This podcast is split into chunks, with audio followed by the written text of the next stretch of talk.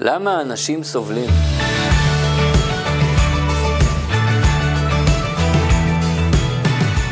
קיבלתי השבוע שאלה מעניינת במייל. שואלת אותי אישה, איך אפשר לומר שהקדוש ברוך הוא רחום וחנון? והרי אנחנו רואים כמה סבל יש בעולם, וגם בעולם הבא יש שלבים שהנשמה עוברת סבל. אז איך אפשר לומר עליו רחום וחנון? אז ראשית צריך לדעת בלי שום ספק שהקדוש ברוך הוא אבא רחום וחנון, כן. יש לו אהבה לכל אחד מאיתנו, כמו אבא שאוהב את הילדים שלו, לא כמו אבא רגיל, כמו אבא שחיכה שנים לילד, ועכשיו בגיל מבוגר נולד לו בן ראשון, תחשבו איזה אהבה עצומה יש לאב כזה. יש לו אהבה עצומה אלינו, והוא רוצה בטובתנו, רק בטובתנו.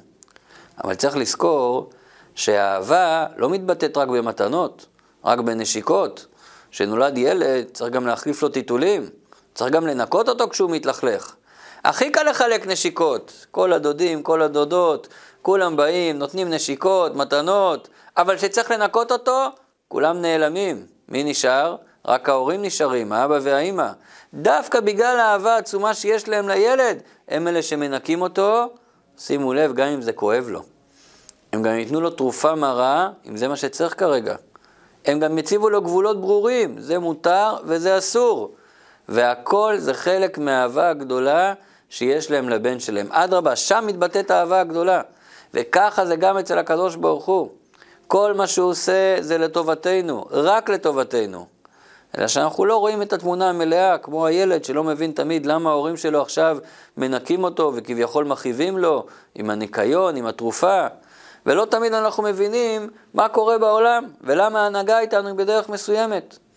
אבל אנחנו יודעים בוודאות שיש זמנים שבהם כדי להתעלות למדרגה חדשה, גבוהה יותר, חייבים לעבור קושי ומשבר.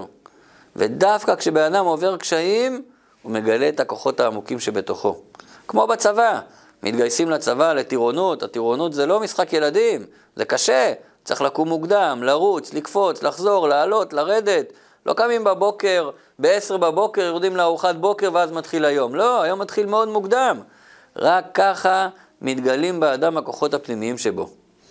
יש סיפור יפה על זה מהרבי הרש"ב. הרבי הרש"ב, רבי שלום דובבר מלובביץ', הוא היה הרבי החמישי בשושלת אדמו"רי חב"ד.